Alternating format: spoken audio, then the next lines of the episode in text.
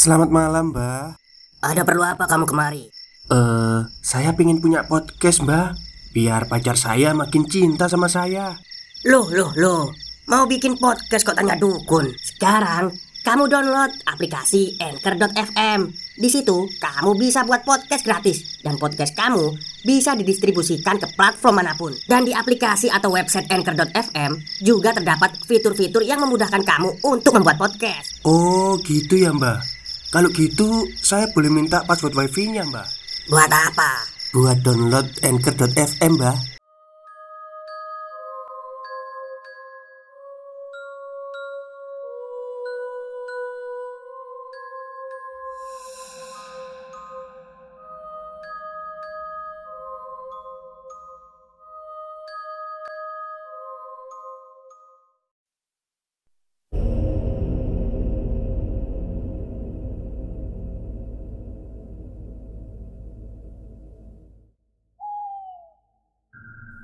Assalamualaikum warahmatullahi wabarakatuh. Halo semuanya Jumpa lagi dengan saya Chow Sing Sing Kurator dari Podcast Horror Night Story. Halo apa kabar semuanya? Semoga kalian semua sehat-sehat saja ya. Dan seperti biasanya Pada siang hari ini saya kembali Dan akan menghadirkan sebuah kisah mistis untuk kalian semua Kisah mistis kali ini saya datangkan dari Mbak Putri Skarsari Dari kiriman email yang berada di emailnya podcast horor ya. Jadi Mbak Putri Skarsari ini akan menceritakan pengalamannya saat menjadi anggota pramuka dahulu Seperti apa kisahnya? Mari kita simak Hari itu kami pulang sore hampir maghrib. Persiapan jalan malam besok harus benar-benar matang, mengingat siswa baru sebuah SMA terkemuka di kotaku ini harus menjelajah malam-malam keluar area sekolah. Tidak hanya area sekolah, mereka harus berjalan hingga bukit tengah sekolah. Kami panitia jalan malam yang merupakan anggota pramuka kelas 2 dan 3 harus mempersiapkan segala teknis, jadwal, hingga pos-pos yang akan disinggahi oleh para siswa baru itu. Pembagian pos dan penjaganya sudah oke. Jadwal yang sudah tersusun rinci, aku cek ulang. Ruang-ruang sekolah yang besok akan digunakan untuk penyampaian materi maupun untuk tidur para peserta sudah siap. Hanya pos-pos saja yang aku tidak ikut mengecek karena memang aku bertugas mengatur seluruh acara di sekolah saja. Aku Putri, Pradani gugus depan SMA X, sekaligus si acara kegiatan jalan malam siswa baru. Mungkin kalian tidak tahu apa itu Pradani. Ketua di ekskul pramuka ada dua, Pradana dan Pradani.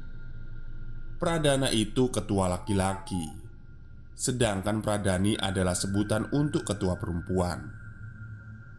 Aku sudah kelas 3 Karena itu aku punya posisi lebih tinggi Dalam kegiatan dibanding kelas 2 Untuk panitia kelas 2 Mereka lebih dalam tahap pengkaderan untuk latihan menjadi pemimpin menggantikan kami yang kelas 3 nanti Tak terasa hari pun berganti. Hari itu hari Sabtu yang cerah. Hari di mana kami melaksanakan acara rangkaian penyambutan siswa baru. Langit biru. Angin semilir terasa sejuk. Rupanya semesta mendukung acara kami. Kegiatan jalan malam dimulai pada sore hari. Diawali dengan apel penyampaian materi, sholat, dan makan bersama, hingga schedule utama jalan malam nanti jam 9 malam. Pukul setengah empat sore, peserta sudah berkumpul di lapangan dengan berbagai perlengkapan yang harus mereka bawa. kami pun membagi mereka ke dalam kelompok-kelompok kelas untuk menyampaikan materi.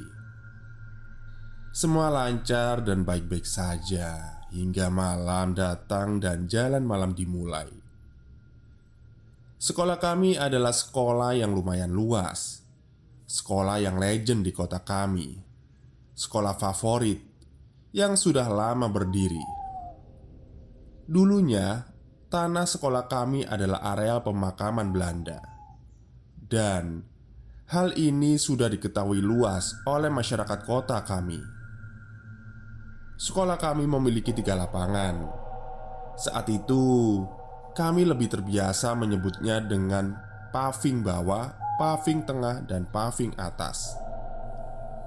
Paving bawah merupakan lapangan basket yang biasa dipakai untuk kegiatan olahraga. Sedangkan paving tengah biasa dipakai untuk duduk-duduk atau belajar kelompok.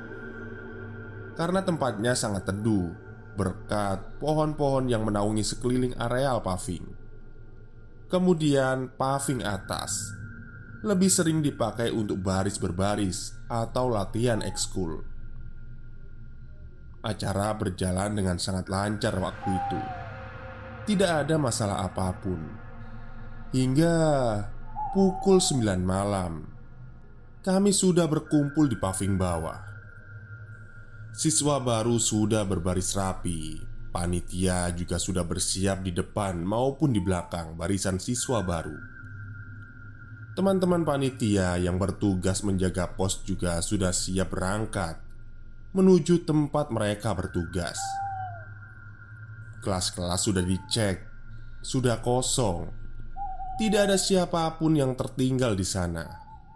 Semua sudah berada di paving bawah.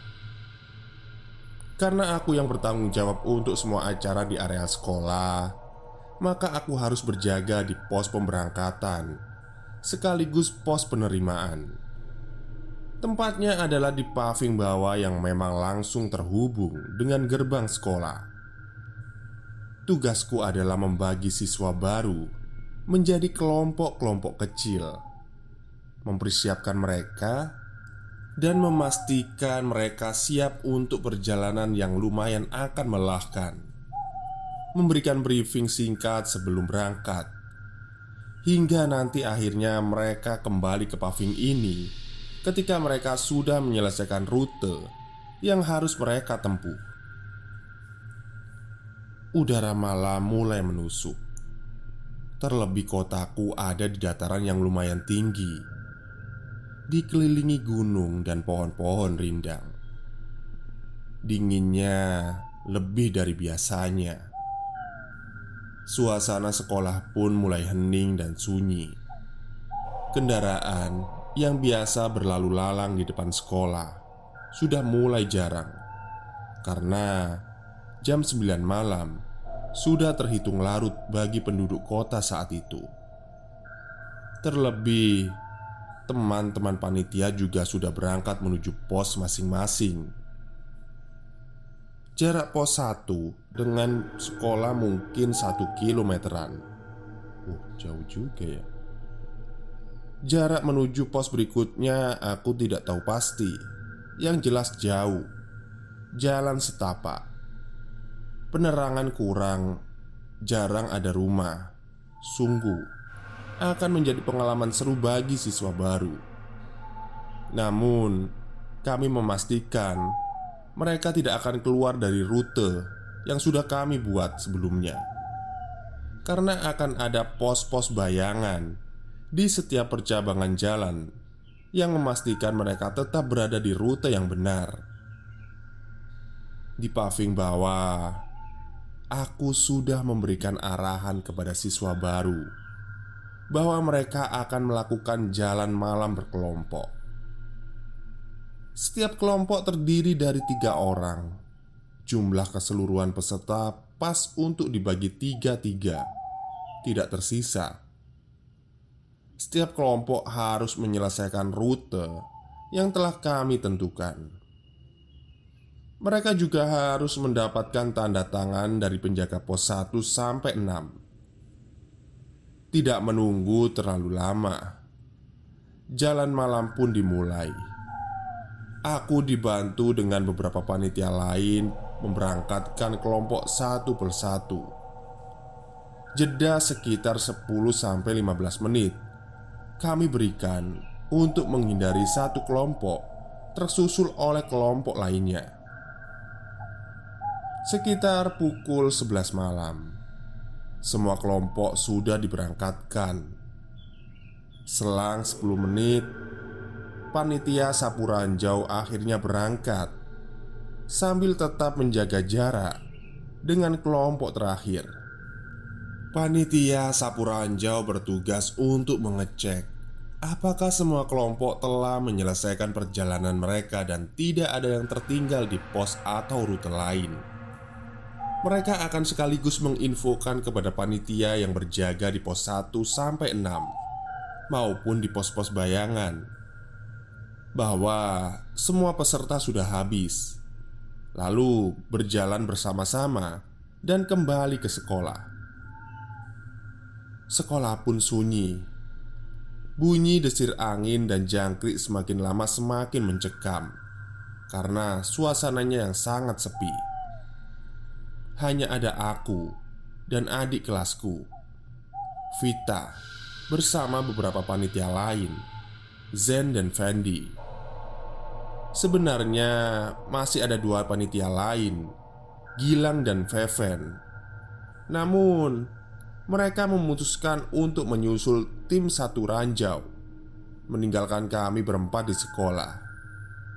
Kami duduk-duduk di dekat gerbang Di tangga lebar depan ruang kantor Lantai yang kami duduki terasa beku Angin pun semakin menusuk tulang Kadang terasa seperti ngilu.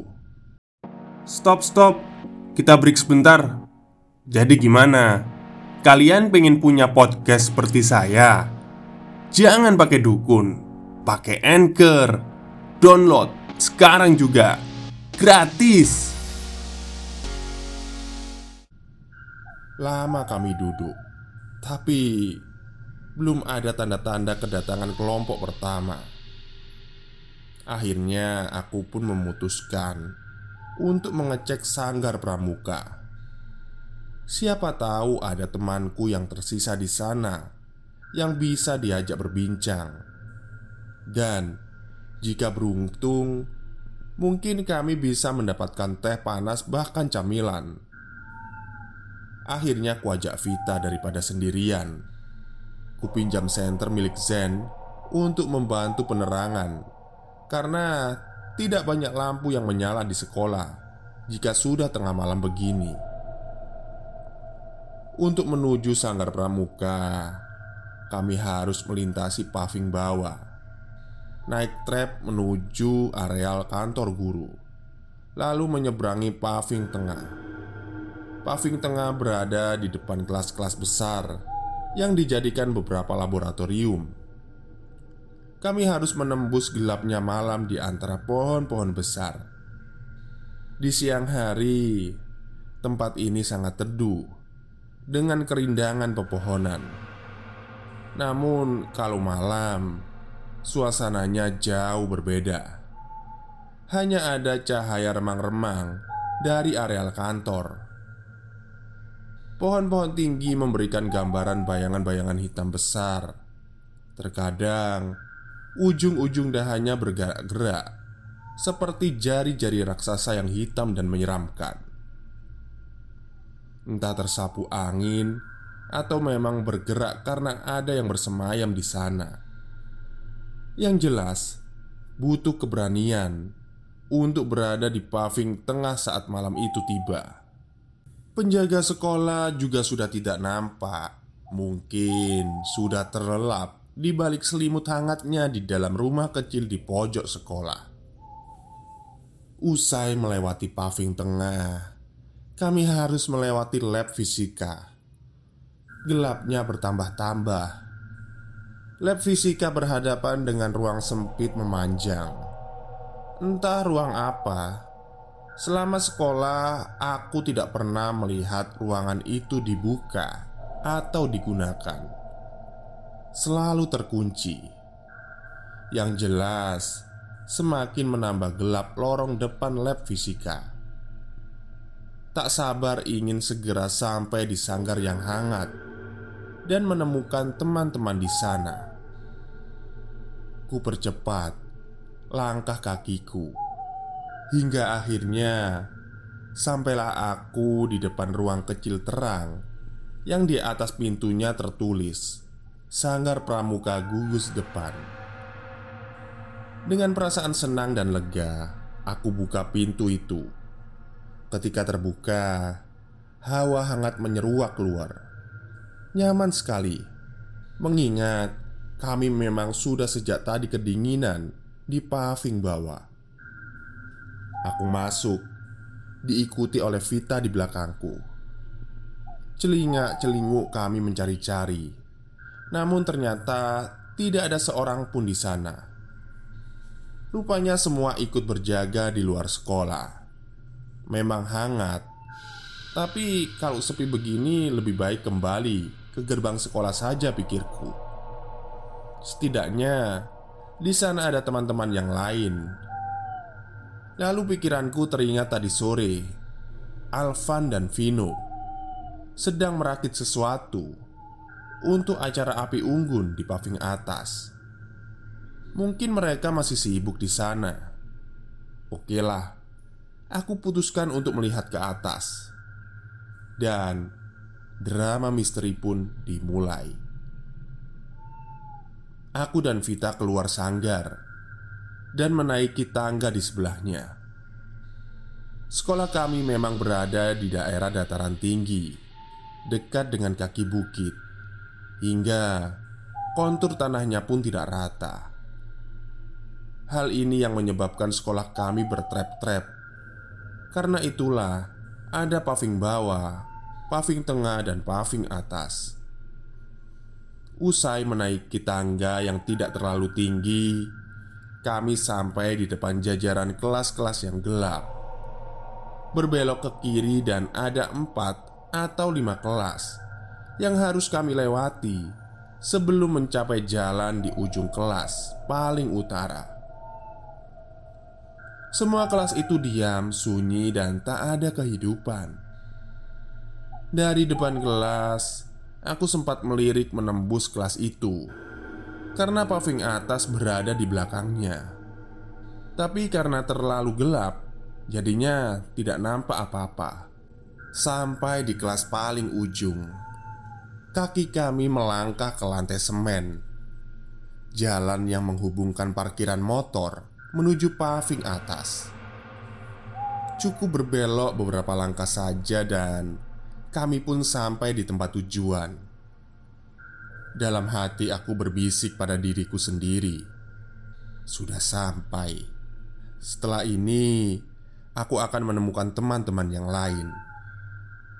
Namun, betapa kecewanya aku saat kulihat lapangan paving atas kosong tidak ada siapa pun, hanya lapangan sunyi yang dikelilingi oleh pohon-pohon besar dan rumput semak. Perasaanku seketika jadi tidak enak. Ada hawa lain yang tiba-tiba menyeruak melingkupi tubuhku. Entah apa itu, tapi aku merasa itu bukan hal yang baik, atau setidaknya aku kenal. Aku sering ke paving ini ketika latihan ekskul bela diri tapi tidak pernah rasanya seperti ini Begitu asing dan tidak bersahabat Aku memaksakan mataku untuk beradaptasi dalam kegelapan. Mencari-cari Siapa tahu aku bisa menangkap sosok teman-temanku di sana. Tapi nihil Aku justru menangkap bayangan-bayangan lain Yang nampak seperti hologram tipis transparan. Tergambar di depanku ada banyak orang yang sedang berdiri Seperti sedang berada dalam sebuah acara pesta kaum mereka Mereka berhadap-hadapan Ada juga yang berdiri bertiga atau berempat Sambil seperti mengobrol Laki-laki dan perempuan Sungguh aneh Tidak mungkin di tempat gelap begini ada banyak orang mereka juga nampak asing. aku tidak mengenal satupun dari mereka. Terlebih lagi, mereka bukan orang kita, bukan orang pribumi. Mereka nampak seperti orang-orang bule dengan pakaian Belanda warna putih lusuh, khas warna-warna vintage. Rambut mereka pirang, keriting, namun lepek. Tidak ada yang memperhatikan kedatanganku. Semua asyik dengan obrolannya sendiri. Namun, aku tidak dapat mendengar suara mereka. Aku bertanya kepada Vita tanpa menoleh kepadanya. "Loh, kok rame ya? Apa itu?"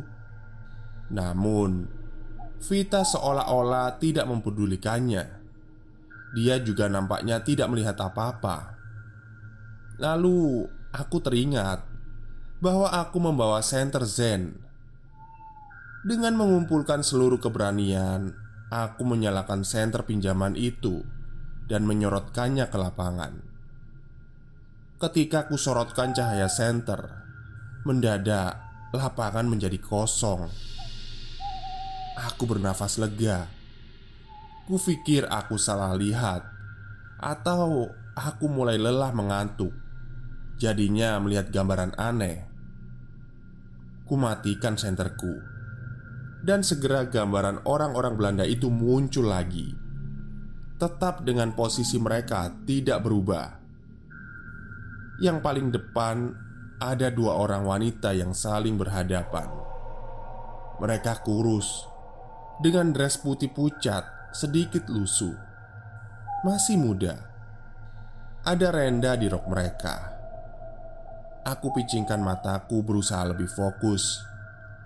Memang mereka di sana hologram transparan yang memenuhi lapangan paving atas. Aku menoleh ke adik kelasku Vita. Dia nampaknya biasa-biasa saja memandang lapangan, seolah tidak ada yang aneh. Kunyalakan lagi senterku, dan seperti tadi, lapangan kembali kosong, tidak berpenghuni. Dan saat ku matikan senterku, orang-orang itu muncul kembali Hingga aku berpikir bahwa ini tidak beres. Sebaiknya aku segera kembali ke gerbang depan. Apalagi aku teringat desas-desus bahwa paving atas adalah salah satu tempat angker di sekolah ini. Kuajak Vita untuk bergegas. "Ayo, Fit, kita balik lagi aja ke paving bawah." Aku belum berani menjelaskan apa yang baru saja aku saksikan. Dijelaskan pun mungkin dia tidak akan paham Atau mengira aku mengada-ngada Atau malah mengira aku orang aneh. Ya udah ayo mbak Jawabnya singkat. Kembali kami harus menyeberangi lautan kegelapan. Kali ini lebih jauh. Dari ujung kanan sekolah bagian atas Menuju ujung kiri bangunan sekolah bagian bawah. Tapi apa boleh buat? Setidaknya suasana di sana nanti tidak semencekam ini. Kubalikan badanku. Sekarang kami menghadap persis di parkiran motor. Tempat angker lainnya yang sudah tersohor di seantero sekolah. Banyak yang mengaku melihat tentara Belanda di sana. Parkiran itu tempatnya tidak luas, hanya space sempit yang tertutup kanopi. Maklum saja, pada tahun-tahun itu tidak banyak yang membawa kendaraan ke sekolah. Siang pun tempat itu nampak suram dan gelap, entah kenapa. Dan tahukah apa yang terjadi setelah aku membalikkan badanku? Aku mendengar ada suara orang berbaris. Dari suara langkah kakinya, sepertinya dia mengenakan sepatu boot sepatu boot tentara yang keras dan berat. Aku terperanjat seketika karena suaranya yang sangat jelas sekali. Kembali lagi aku bertanya kepada Vita tanpa menoleh kepadanya. Itu siapa ya? Kok baris malam-malam gini? Lagi-lagi Vita tidak menjawab. Saat kutoleh pun wajahnya biasa-biasa saja Seperti tidak ada hal yang aneh. Apa aku saja yang mendengar, atau aku salah dengar? Tapi ini jelas sekali. Suara itu terus terdengar. Jelas, langkahnya pun tegap. Interval tentara satu langkah ke langkah berikutnya begitu teratur dan rapi. Tidak cepat, tidak pula pelan. Namun, siapa yang berbaris sendirian di dalam gelapnya parkiran motor tengah malam begini? Kemudian aku teringat kembali senter yang ada di tanganku. Tanpa pikir panjang, aku sorotkan senter itu ke arah parkiran. Pasti kalian berpikir apa yang aku lakukan itu bodoh dan nekat. Kenapa tidak lari saja? Saat itu rasa penasaranku jauh lebih besar daripada ketakutanku. Namun sayang, sorot senterku tidak sampai ke parkiran karena senternya memang bukan senter yang besar, hanya bisa sampai beberapa meter saja. Baterainya juga mungkin mulai soak. Aku melangkahkan kakiku menuju parkiran yang berjarak sekitar 20 meter di depanku. Tapi sebelum sampai di sana, aku berbelok ke kiri. Akhirnya, otakku memerintahkan untuk menghindari masalah dengan hal-hal yang tak kasat mata. Suaranya pun menghilang, entah ke mana. Aku abaikan suara yang tadi aku dengar. Aku kini berada di lorong antara lab kimia dan lab IPS. Gelap dan sunyi. Sepertinya tidak ada makhluk hidup di sana kecuali aku dan Vita. Tiba-tiba ada sosok yang melompat dari balik salah satu pilar di lorong sambil berteriak, "Wah!" Vita berteriak kencang sekali saking kagetnya. Kemudian terdengar gelak tawa puas dari makhluk itu, yang ternyata itu adalah Zen. Huh, dasar! Setelah kejadian beruntun barusan, dia enak saja mengerjai. Setelah beberapa saat aku bertanya kepada Zen Kamu juga ya yang tadi berbaris-baris di parkiran? Hah? Enggak Ngapain? Kayak orang kurang kerjaan aja Jawabnya Sumpah? Iya sumpah kenapa? Oh, nggak apa-apa sih Jawabku singkat tidak ingin bercerita panjang-panjang mengingat kami masih berada di kawasan seram ini. Akhirnya kami turun ke paving bawah. Duduk kembali di trap depan kantor sambil menunggu kelompok pertama kembali ke sekolah. Dalam kepalaku masih bertanya-tanya mengenai kejadian barusan. Setelah kurang lebih satu jam, kelompok pertama pun datang. Langkah mereka nampak kelelahan sekali. Namun, wajah mereka menunjukkan riak kelegaan karena sudah sampai di sekolah lagi. Kuarahkan mereka untuk beristirahat di lapangan, meluruskan kaki sambil melepas lelah. Setelah berjalan sekitar 2 kilometer, satu persatu kelompok-kelompok yang lain berdatangan hingga akhirnya semua sudah kembali ke sekolah. Tinggal menunggu teman-teman panitia sapu raun jauh saja. Setelah pukul 2 pagi, teman-teman panitia sapu jauh pun datang. Berbeda dengan siswa-siswa baru, mereka nampak ceria dan menikmati perjalanan mereka. Sambil bercanda, mereka memasuki gerbang sekolah.